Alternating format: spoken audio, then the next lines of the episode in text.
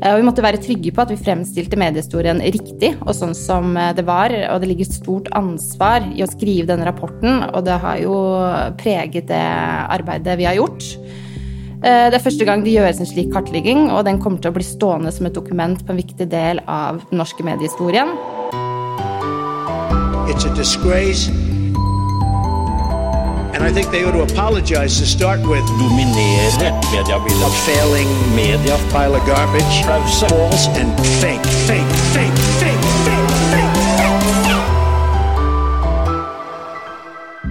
Hei og velkommen til en ny episode av Pressepodden. Mitt navn er Jan Magnus Weiber Ørdal, og i denne episoden så har vi med to gjester. Fordi denne uken ble en fersk rapport om mediedekningen av 22. juli-terroren i 2011 lansert.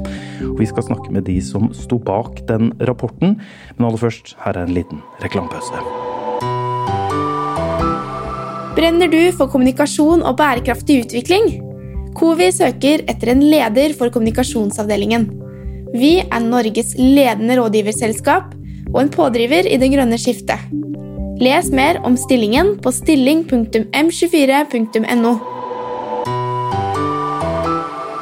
Ja, denne uken ble altså 22. Eh, juli-rapporten eh, lansert. Eh, lagd av Retriever på oppdrag av Fritt Ord. Og den tar altså for seg all mediedekning i norsk presse av terrorangrepet på Utøya og i Oslo fra sommeren 2011 til sommeren 2022. Og dette er første gangen mediedekningen av 22. juli-terroren er systematisk analysert, og det ble gjort av dere eh, i Retriever. Ingunn Vårlandsmør, du er assisterende analysesjef, og Malene Augestad, senior medieanalytiker i Retriever. Kan begynne med deg først, Ingunn. Velkommen til Pressepodden aller først.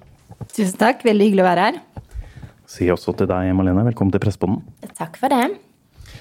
Jeg har lyst til å spørre dere aller først, eh, kanskje spørsmålet går til deg da, Malene. Eh, for det er noe jeg oppriktig lurer på. Dette er tolv års mediedekning. Og dere har oppgitt at det er nærmere 500 000, altså nesten en halv million medieoppslag i løpet av de årene. Hvordan begynner man på noe sånn? Altså, hva var det første dere gjorde da dere fikk dette oppdraget? Ja, det viktigste i starten av et sånt prosjekt er jo å tydelig definere hva vi ønsker å finne svar på, og hvorfor og så formulere problemstillinger eh, basert på det. I dette prosjektet så var det sentralt å ta utgangspunkt i debattene som fant sted i 2021. Og det var jo dette som la grunnlag for eh, oppgavens problemstillinger, som òg ble rapportens ulike kapitler. Så når disse problemstillingene var formulert, så handlet det om å finne metodene som gjorde at vi best kunne besvare på disse spørsmålene. Eh, F.eks. bestemme seg for hvilke tidsperioder som var relevant for hvert kapittel, og hvilke medier, og om det var spesielle tematikker eller nøkkelord som skulle ligge til grunn for artiklene som vi skulle fokusere på. Mm. Um, Ingunn, hvor lang tid Jeg var nysgjerrig på det også. Hvor lang tid tok arbeidet, altså fra, tok arbeidet fra start til rapporten ble helt uh, levert? For jeg regner med dere satt kanskje ikke kvelden før det ble lansert på, hos Fritt Ord denne uka her, men si noe mer om det, om tidsbruken her. Ja, Det er et godt spørsmål, det. Uh, dette prosjektet fikk jeg, fikk jeg, faktisk tildelt min første dag i Retriever, 1.11.2021. Og jeg har jobbet med medieanalyse i uh, mange år før jeg kom hit, men jeg har aldri jobbet med et så omfattende kartlegging over så lang tid. Og I utgangspunktet skulle vi ha lagt frem rapporten i juni, men av ulike årsaker måtte vi utsette det. Eh, og det henger også sammen med at vi gikk mye dypere ned i materien enn først planlagt. Eh, denne rapporten er jo viktig for mange, så hvis vi skulle gjøre det, måtte vi gjøre det ordentlig, og vi valgte da å bruke mer tid. I tillegg la vi til et kapittel om 22. juli-dekningen i 2022 for å se hvorvidt det offentlige ordskiftet hadde endret seg siden i fjor. Eh, og dette gjorde vi også for å gjøre rapporten mer relevant. Eh, og skal vi si at Etter sommerferien så har vi jobbet mye for å få den ferdigstilt, så totalt har vi da brukt ett år. Ja, vi har hatt mange lange kvelder på kontoret. Det har blitt mye Foodora, en del frustrasjon. Eh, men vi har også hatt mange fine og lærerike stunder. Og jeg tror jeg kan svare for begge når jeg sier at vi er veldig takknemlige for å ha fått lov til å jobbe med dette prosjektet. Det har vært veldig givende, både på et faglig og personlig nivå. Mm. Vi skal komme litt tilbake til også dette skiftet. Du, dere sa dere så litt på, på, på endringene de siste året, par årene. Um, Malene, si litt mer, altså innimellom Fudoraene og sene kveldene, litt mer om metodene og verktøyene. Du var litt inne på det i stad, men, men For oss som er journalister, redaktører som ikke kjenner så godt til det, hva slags metoder og verktøy er det dere bruker når dere skal lage en sånn rapport og analyse? Mm, det var jo faktisk en av de største utfordringene rent metodemessig. Å bare finne ut hvordan vi skulle tilnærme oss det utrolig store datagrunnlaget. Som du sa, det var nesten 500 000 oppslag. Som den så fikk vi jo det konkrete oppdraget fra Fritt Ord at vi skulle basere rapporten på påstandene og spørsmålene som ble reist under 2021-debatten.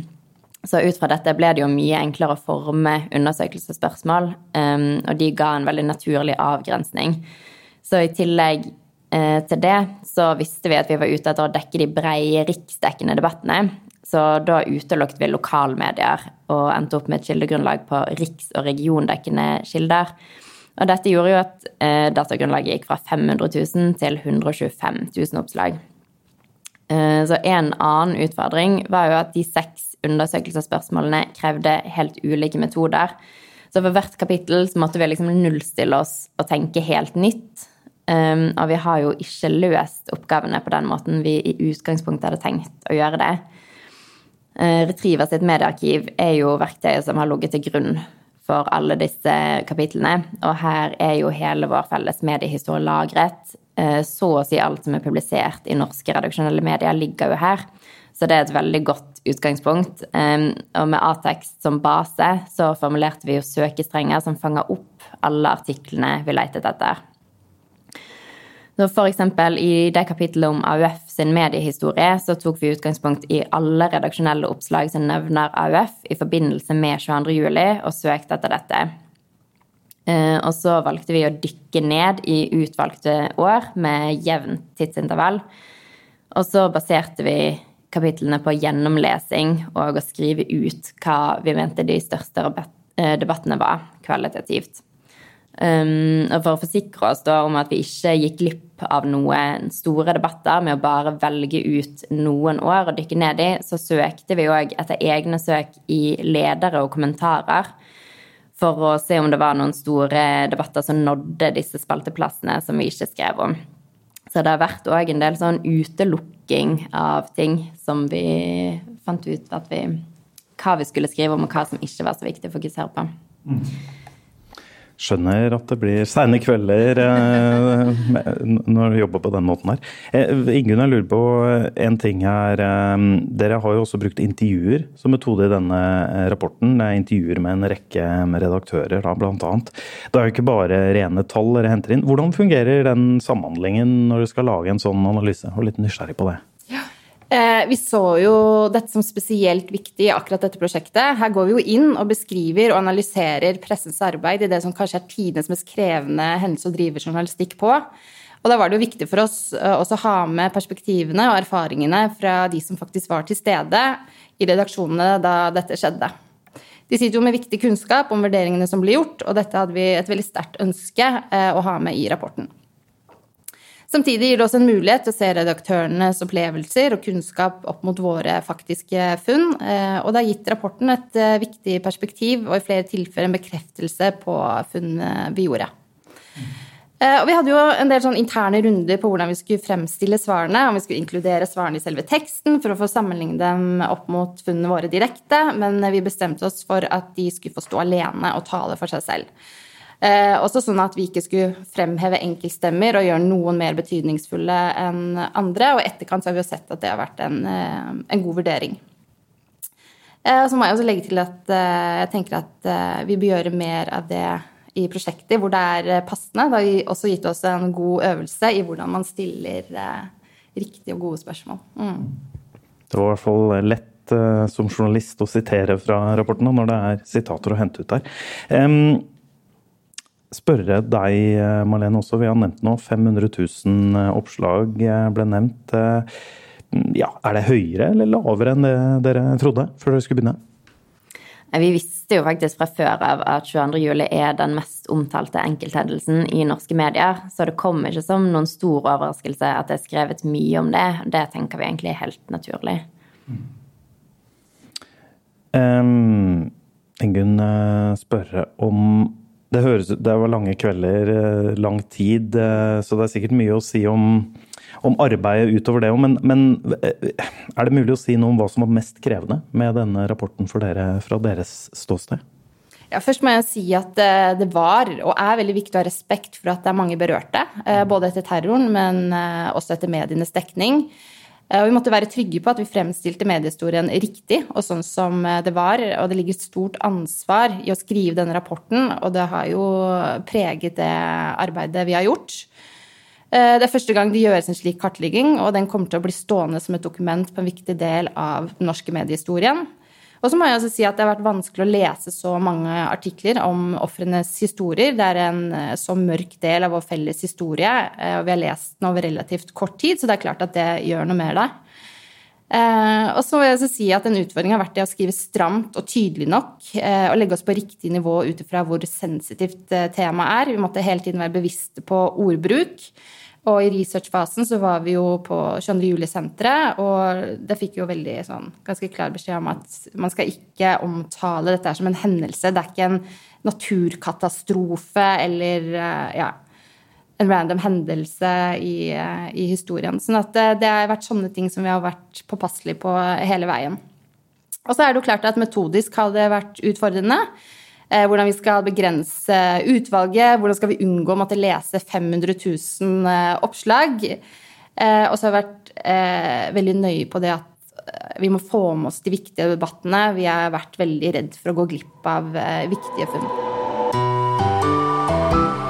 Brenner du for kommunikasjon og bærekraftig utvikling? Covi søker etter en leder for kommunikasjonsavdelingen. Vi er Norges ledende rådgiverselskap og en pådriver i det grønne skiftet. Les mer om stillingen på stilling.m24.no. Det du var inne på der med, med på det at det blir sånn historisk dokument, der, et, en referanse kanskje også for, for, ettertiden. Det er kanskje noe av det som det vil bli brukt som, da, Malene. Fordi jeg lurer litt på sånn fra journalistisk ståsted, så tenkte vi sånn først hva hvis man skal tenke sånn, hva er nyheten, eller hva er det mest overraskende? Men det var kanskje ikke så mye overraskende dere avdekka i, i rapporten? Det var kanskje ikke hele hensikten? Nei, det er helt riktig. I det store og det hele så har ikke vi blitt så veldig overrasket over noen av funnene vi har gjort. Eh, funnet bekrefter egentlig i stor grad det vi trodde fra før av eh, var medienes fokus. De hadde jo f.eks. en veldig sånn typisk katastrofedramaturgi den første perioden, som er vanlig når et samfunn går gjennom en traumatisk hendelse. Så ingen veldig store overraskelser, sånn sett. Og vi er jo spesielt glad for at AUF føler at rapporten bekrefter også deres oppfatning av hvordan dette har vært.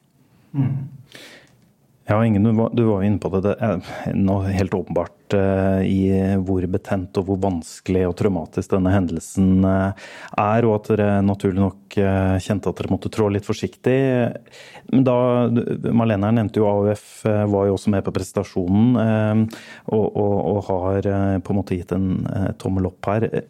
Kan du si noe om responsen ellers? Altså det er jo, dette er jo en hendelse, ikke en hendelse, en, et terrorangrep som berørte veldig mange i hele landet. Ehm, har dere fått noen respons på det fra, fra andre? Altså jeg begynner med å si at På oppløpet av et sånt type prosjekt så er det jo lett eh, å se seg blind eh, på den jobben som er gjort. Og jeg har kanskje ikke vært sånn kjempehøy i hatten den siste uka. Og jeg har vært ganske nervøse for mottagelsen, fordi det er et såpass stort og viktig tema, også veldig sensitivt. Derfor ble vi jo veldig letta når kommentatorene under pressekonferansen i går Det var da AUF-leder Astrid Hoem, eh, Reidun Kjelling Nybø, generalsekretær i Norsk redaktørforening, og Anders Ravik eh, Djupskås, nestleder for Senter for ekstremismeforskning, som alle uttrykte at denne rapporten er viktig dokumentasjon og gir empirisk støtte til flere av påstandene som bl.a. kom frem under debatten i 2021. Og da kjente vi jo at vi hadde gjort jobben vår, eh, og at vi hadde klart å besvare oppgaven som eh, vi ønsket. Og vi har fått, kan jeg også si at vi har fått utelukkende gode tilbakemeldinger på rapporten og funnene fra andre. Vi har fått en del spalteplass, vi har vært på Dagsnytt 18, og nå sitter jeg her og snakker med deg. um, og så tror jeg vi kanskje ble ekstra glad for tilbakemeldingen fra Astrid Hoem, som syntes det var en uh, viktig kartlegging og et um, godt historisk dokument. Så det ble vi mm. ekstra glade for, tror jeg. Mm. Som er AUF-lederen, og som, ja. som, vi nevnte, hun var også på presentasjonen. Vi kan jo snakke litt om funnene eh, i eh, rapporten også. Eh, og en av de funnene sånn fra et medieperspektiv da, som var veldig interessant, er jo at flere norske redaktører og kommentatorer sa seg tilfredse med mediedekningen. Men Malene, jeg så det var kun jeg sier kun, da. 21 eh, av 45 eh, redaktører som svarte. Fordi, og jeg syns det hørtes litt sånn under halvparten. Jeg kanskje forventa flere redaktører skulle, skulle, svare dere på en såpass viktig rapport. Hva, hva tenker dere om det? Jeg vet ikke om vi tenker at det er like rart, for det at alle som ikke svarte, hadde ulike gode personlige grunner til hvorfor de ikke ønsket eller hadde tid til å stille opp. Og i flere redaksjoner så spurte jo vi flere personer, og der de valgte at én av de svarte og representerte redaksjonen. Så vi tenker kanskje ikke det er en så lav svarprosent sånn sett. Men 21 av 45, altså under halvparten, er det godt nok representativt sånn, sånn for data, datagrunnlaget? Jeg tenker jo kanskje ikke at de trenger å være representative for hele Medie-Norge, men at de representerer seg sjøl og sin redaksjon, og så får de svare for seg sjøl. Mm. De som svarte, da, Ingunn, hvordan opplevde dere dialogen med medie, mediefolkene som skulle bidra her? Var det, var det, vanskelig å få dem til å uttale seg og, og bli intervjua? Eh, både ja og nei, men eh, vi hadde jo først en eh, veldig kort svarfrist. Vi tenkte vi skulle få ball, altså folk på ballen eh, kjapt. Men vi utvidet jo senere den til nærmest da rapporten gikk i trykken. Så da kom svarene rullende inn etter hvert. Men vi har også påpekt at flere har engasjert seg mer enn vi forventet. Og uttrykte at ja, selvfølgelig skulle de gi sitt bidrag. Eh, så jeg er veldig takknemlig for de som har eh, svart, og vi tenker at eh, de svarene som har kommet inn, gir et veldig verdifullt perspektiv. Mm. Et annet funn som jeg syns var interessant, dere har vært litt inne på det her, var jo at dere fant et vendepunkt i det offentlige ordskiftet om 22.07. våren og sommeren i fjor, altså 2021. Um, Malene, si litt om, om, hva disse funnene var for de som ikke har lest rapporten. Mm, for det første så var det jo veldig spesielt at allerede til våren eh, i forbindelse med tiårsmarkeringen så kom det en rekke utgivelser av både forskningsrapporter, bøker og filmer eh, knyttet opp mot 22. juli. Så debatten begynte jo ganske tidlig med å se på disse. Etter hvert så ser vi at eh, det er nye personer fra AUF som ikke tidligere diskutert 22.07 i offentligheten, som òg nå uttaler seg i mediene. Og etter hvert så er det heller ikke bare AUF, men også andre ungdomspolitikere som blir med å diskutere 22.07 og høyreekstremisme politisk. Og de beklager jo først Ola Svenneby Unge Høyre at eh, AUF har stått alene om å diskutere 22.07. Um, og voksne partifeller fra Arbeiderpartiet erkjenner òg og beklager isoleringen av AUF. Så det er i det hele tatt et stort engasjement fra hele det politiske Norge. Og selv om debatten kanskje fortsatt er polarisert, så ser vi en tydelig endring i politiseringen av terroren. Og vi ser en endring i ordskiftet om hvordan man snakker om terroren. Flere enkeltmedier beklager òg deler av sin mediedekning av terroren og enkelte ting de har skrevet. Mm. Um, Ingunn, si noe mer om hvordan dere så den endringen da, som Malena er inne på. altså Dette vendepunktet. altså i hvordan, hvordan hvis, det er mulig å si noe enkelt om. Um, hvordan ser dere det i, i, i datagrunnlaget? Altså, 2021-kapitlet var det første kapitlet vi gjorde. Vi gjorde det i november-desember i fjor. Eh, og at det offentlige ordskiftet var tydelig endret sammenlignet med tidligere år, skjønte vi jo allerede da.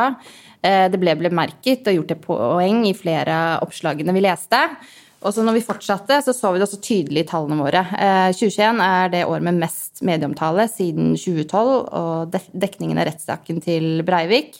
Og vi fikk det også ytterligere bekreftet da vi gikk gjennom medieomtalen eh, i årene da etter rettssaken og frem til 2021. Så det mm, er jo et av de tydeligste funnene våre at vi kan bekrefte at det var nettopp et, et vannskille eller et vendepunkt.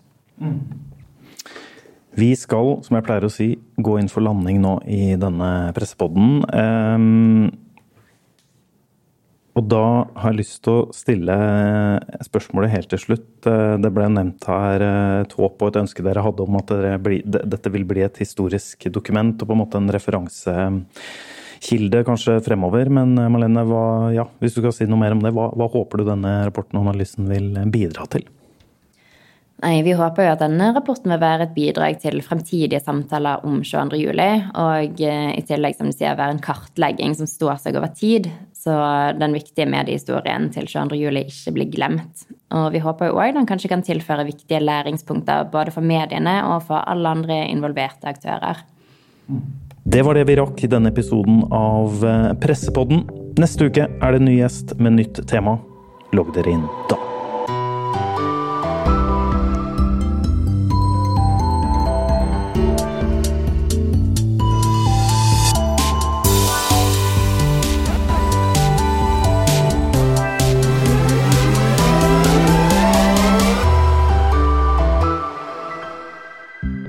Brenner du for kommunikasjon og bærekraftig utvikling?